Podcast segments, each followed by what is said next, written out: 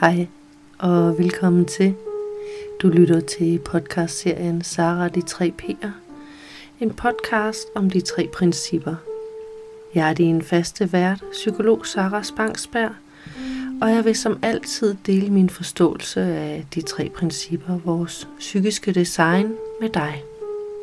Vil du gerne vide mere om de tre principper, så kan du lytte til min anden podcast, Dramadronningen på første, eller du kan logge ind på min hjemmeside, sarasbangsberg.com.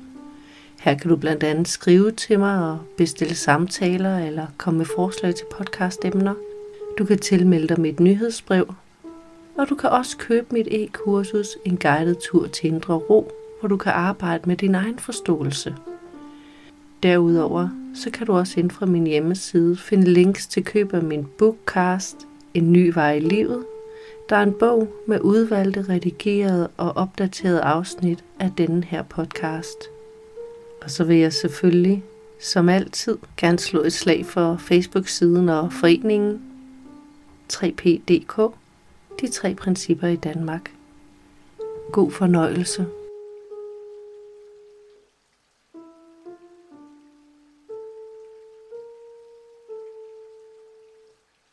Hej. Som jeg siger lige om lidt, så havde jeg utrolig meget på hjerte omkring relationer. Faktisk så meget, at optagelsen blev alt for lang. Så jeg har valgt at dele den op i tre episoder. De er så måske blevet lidt korte, men sådan blev det. Men jeg har prøvet at dele dem op og klippe sektioner sammen på en måde, der giver mening, så de ikke nødvendigvis behøver at blive hørt i rækkefølge. Og jeg håber, at det giver mening for jer lytter også. Så lad os komme i gang med det. Hej.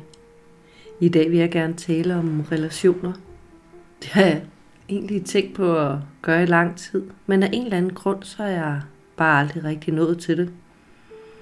Måske fordi jeg har så meget på hjerte omkring emnet, at det bliver for meget for mit intellekt at overskue. Men nu er drivet her, Faktisk så sidder jeg lige nu i min, i min pyjama, så jeg har faktisk stadigvæk, stadigvæk mine øh, sovebrille siden op i panden til at holde håret. Fordi det var nu, det var nu. Og så tager jeg det, som, som det kommer. Og også selvom jeg allerede på forhånd er helt overbevist om, at jeg kommer til at glemme noget, eller få rodet rundt i det hele, der kommer det, der kommer. Og så må det andet jo bare komme en anden gang. Relationer er et af de temaer, folk rigtig ofte bringer op i deres terapier. Relationer, der ikke er, som man ønsker sig, eller savnet af en særlig relation. Angst for at miste relationen, eller glæden ved relationer. De konflikter, der kan være i relationerne, eller angsten for, at konflikten opstår. Og selvfølgelig alt derimellem. For at bruge et gammelt citat, der måske nok oprindeligt var myndet kun på kvinder, men øh, jeg udvider det så let. Man kan ikke leve med dem, man kan ikke leve uden. Fordi relationer, de kan opleves som både det dejligste, mest berigende vi har, men også som det mest besværlige og krævende i vores liv. Sådan har jeg i hvert fald selv ofte oplevet det. Men jeg får jeg får egentlig lyst til at starte med at tage en lille afstikker hen til lidt af det biologiske og evolutionsmæssige grundlag for det med relationer. Og ikke fordi jeg er øh, en ekspert i det, men nogle gange så hjælper det mig at huske på, at vi mennesker er flokdyr. Det vil sige, at gennem årtusinder, der har vores overlevelse afhængt af, at flokken gad at have os med og passe på os. Og som om det ikke var nok, så er vi også fuldstændig hjælpeløse i de første mange år af vores liv. Vi er faktisk helt grundlæggende et rimelig dårligt dyr i forhold til at klare os på egen hånd. Og derfor kan man sige, at det giver ganske enkelt god artsoverlevelsesmæssig mening, at vi har en biologisk skide trang til at være en del af en flok. Og at vi har en masse medfødte alarmsystemer, der hele tiden skal holde os opmærksom på og sikre pladsen i flokken – de er vores forfædre, der havde det. De overlevede og fik afkom, og de andre, de blev sgu nok et af en eller anden løve eller noget. Og dermed, så blev de her alarmsystemer fremelsket. Og de findes i os selv i dag, hvor vi jo sjældent er i risiko for at blive, hvad ved jeg, et af en løve. Og hvor vores potentielle flok jo udgøres af den halve verden. Vores intellekt er vores sådan, sociale sikkerhedsvagt. Det vil sige, at det hele tiden er på vagt over for eventuel risiko i forhold til vores plads i flokken. Og så producerer sikkerhedsvagten simpelthen rapporter til os om, hvad den oplever, der er på spil. Peter så sur ud. Pia er ude på noget.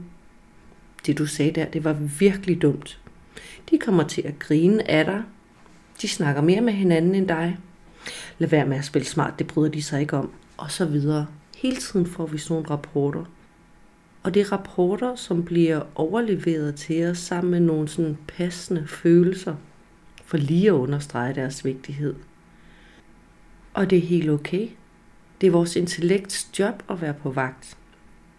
Men jeg synes, det er interessant at bemærke, at selvom min sådan indre sociale sikkerhedsvagt nok er blevet ansat af mit biologiske flokbehov, så er hans vurderinger af, hvad der er vigtigt, fuldstændig styret af mit humør i øjeblikket og de data, jeg har på lageret, det vil sige mine erfaringer. Eller i hvert fald de data, som min sociale sikkerhedsvagt lige i det øjeblik vælger at trække på. Og ja, i øvrigt, min sikkerhedsvagt, det er en han. Din sikkerhedsvagt kan være alt muligt andet. Men vores sociale sikkerhedsvagt er sådan lidt af en sort seer, og han tager også ret tit fejl. Problemet er, at vi ofte kommer til at tro, at han har ret. Vi kommer til at tro på, at der er en hel masse på spil. Sådan, hvis piger er sur på mig, så er alt tabt. Og derfor så kommer vi helt uskyldige til at give hans rapporter en masse opmærksomhed. Vi sætter vores sociale sikkerhedsvagt i gang med at løse problemet. Og tro mig, han er helt vild med at overanalysere og lave planer og løsningsmodeller for hver eneste lille potentielle detalje. Planer, som vi så kan komme til at føre ud i livet. Jeg undskylder, jeg forsvarer mig, eller er på vagt, aflyser ting, eller kigger efter tegn. Jeg kan være påpasselig, eller blive sur, eller sige ja til ting, jeg ikke har lyst til. Alt sammen, fordi jeg kom til at læse en rapport og tro på den, og derefter føre handleplanen ud i livet. Og det kan virkelig gøre alt det med relationer meget, meget besværligt. Jeg er, og det er du også, øh, gennem mit liv blevet udstyret med en helt masse kulturborne regler. Både sådan fra den overordnede samfundskultur, men også fra alle de subkulturer, som jeg har været en del af min studiekredse, mine venner osv. Man bør være hjælpsom. Man må ikke være kedelig, men heller ikke kræve alt for meget opmærksomhed. Man skal være spændende, men endelig ikke tro, man er noget. Det er vigtigt, at alle folk kan lide dig.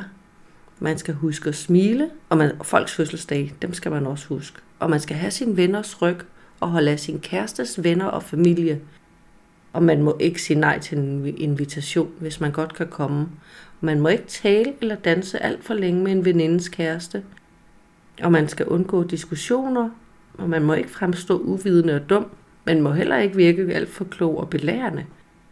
Og en milliard mere øh, regler, som mange af dem endda er utrolig modstridende, som, som simpelthen ikke kan, kan fungere samtidig alle de regler, den bruger min sociale sikkerhedsvagt så til at prøve at sikre, at jeg opfører mig rigtigt, så jeg kan holde min plads i flokken. En hel masse selvmodsigende og umulige regler, som jeg egentlig ikke har været med til at beslutte, og som ikke tager hensyn til, hvem jeg er, eller hvad mine behov er, fra øjeblik til øjeblik. Min sociale sikkerhedsvagt bruger også reglerne til at lave en indre oversættelse af det, andre nu gør eller siger. Altså til at beslutte, hvilken betydning andres adfærd skal tillægges. En oversættelse, der tager udgangspunkt i min private sådan, ordbog, altså mine regler for rigtigt og forkert. For eksempel så kan han ganske ofte finde på at fortælle mig, at folk ikke respekterer mig og vores relation, hvis de kommer for sent. Ene og alene, fordi jeg har fået en regel omkring punktlighed, og den er på en eller anden måde blevet knyttet sammen med respekt. Og han glemmer helt, at det kun er mit intellektsregel, der gælder for mig. At andre mennesker højst sandsynligt har andre regler end mig, og at deres handling derfor ikke kan tolkes ud fra, hvad handlingen ville betyde, hvis det var mig, der udførte den. Min sociale sikkerhedsvagt har også virkelig ofte fået lukket mig til at bruge ressourcer på at forholde mig til, hvad andre må tænker om mig. På om jeg nu har opført mig rigtigt. Mm, på at analysere, hvorfor de andre må gøre, som de gør. Hvorfor er der ikke en smiley på den her besked, når der nu var på den anden? Eller på at synes, at det Torben sagde var mega tavlig, eller være bange for, at Iben vil komme til at gøre noget, der kan gøre mig ked af det, og på at have dårlig samvittighed.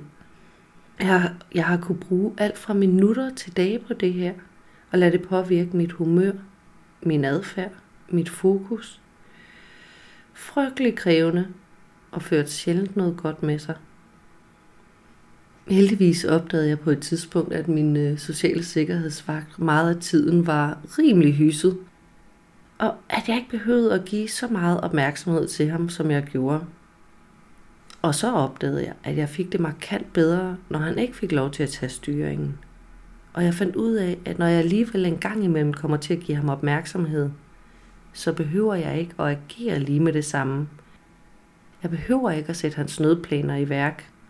Og det har været en kæmpe lettelse. Da jeg stoppede med at give min sociale sikkerhedsvagt så meget opmærksomhed, så blev det pludselig meget nemmere at være i relationer – og det blev tydeligere og tydeligere, at der faktisk ikke er så meget på spil, som han påstår. Faktisk er det kun på spil for mig, hvis jeg lytter til ham. Tænk en befrielse at opdage det. Jeg kommer sådan til at tænke på en gang, hvor jeg sad på arbejde. Øh, det var en skøn sommeraften, og jeg havde arbejdet sent og siddet og lavet noget regnskab. Da jeg var færdig, så tog jeg et glas vin, mens jeg sad og kiggede på cafélivet uden for kontorvinduet. Så hyggeligt. Jeg var virkelig, virkelig bare sådan glad og lykkelig for mit liv i det øjeblik. Da jeg så lidt senere lukkede biksen ned og lige gik ud med skraldet, så slog det mig pludselig. Det er da i morgen, der er gårdfest i min gamle gård. Og jeg har stadigvæk øh, flere venner, der bor der, og de plejer altid at invitere mig med til gårdfesten. Det havde de, så vidt jeg husker, også gjort det år. Men af en eller anden grund, så kunne jeg ikke. Men lige da jeg gik ud med affald, så slog det mig, at der også plejer at være noget sådan forfest med opsætning og så videre dagen før. Og pludselig, så fik jeg en masse indre billeder af alle mine venner, der gik rundt og hyggede sig, uden overhovedet at invitere mig, selvom de kun var 500 meter fra min bæks. Sikkerhedsvagten gik fuldstændig i selvsving. Havde jeg sagt noget forkert? Kunne de ikke lide mig mere? Havde de fravalgt mig eller glemt mig? Og hvad ville så være værst? Var de overhovedet venner, jeg kunne stole på? Og så videre, og så videre. Alt det her, det tog et splitsekund. Og inden jeg overhovedet var nået de 50 meter ud til skraldekontaineren, så var jeg faktisk trist og havde lidt ondt i maven over, hvor dårlige venner jeg havde, og hvor ensom jeg var. Miserabelt liv. Heldigvis så opdagede jeg det. Jeg opdagede, at min sociale sikkerhedsvagt var i gang med at drukne mig i alverdens rapporter. Og så kunne jeg jo lade dem ligge. Og da jeg lod dem ligge, så vendte jeg helt automatisk tilbage til min oprindelige oplevelse af tilfredshed. Havde jeg ikke vidst, hvad jeg i dag ved, så ville jeg være rådet med på min social sikkerhedsvagt drama, og højst sandsynligt være endt med at få lavet en masse rod og haft det elendigt. Det tænker jeg i hvert fald er sådan rimelig sandsynligt, fordi det var det, jeg rigtig ofte gjorde før. Når jeg ikke lytter til min social sikkerhedsvagt, så kan jeg forholde mig til andre mennesker og indgå i relationer på en helt anden måde. Fordi når sikkerhedsvagten ikke tager hele min opmærksomhed, så har jeg plads til at høre min visdom. Og så kan jeg meget nemmere nærmest sådan automatisk fravælge det, der ikke er godt for mig, og tilvælge det, der er. For lad os nu sige, at min social sikkerhedsvagt havde haft ret i eksemplet fra før. Lad os sige, at jeg fandt ud af, at mine venner faktisk ikke gad have mig med. Hvis jeg lyttede til min social sikkerhedsvagt, så ville der blive et enormt drama ud af det. Det ville blive kæmpestort. Men lyttede jeg ikke til ham, ville det faktisk være utrolig simpelt. Hvad siger min visdom? Har jeg lyst til at have den her relation, som den er? Ja eller nej? Så simpelt. Helt uden drama. det pussy er faktisk, at jeg selv den dag i dag ikke ved, om det var sådan, det forholdt sig. Altså, om de ikke ville have mig med. For jeg har aldrig spurgt. Ikke fordi jeg ikke turde at spørge, eller ikke vil være bekendt at spørge. Men ganske enkelt, fordi det spørgsmål blev komplet ligegyldigt, da jeg stoppede med at lytte til min sikkerhedsvagt. Så hvordan stoppede jeg med at lytte til ham? Lad mig skynde mig at sige, at det er jo ikke sådan, at jeg bare har 100% styr på det shit, og aldrig mere lytter til ham, eller læser rapporter og handleplaner. For selvfølgelig gør jeg det. Det er sådan, det er at være menneske. Men det er blevet meget mindre, og jeg opdager meget hurtigere, hvad det er, jeg har gang i.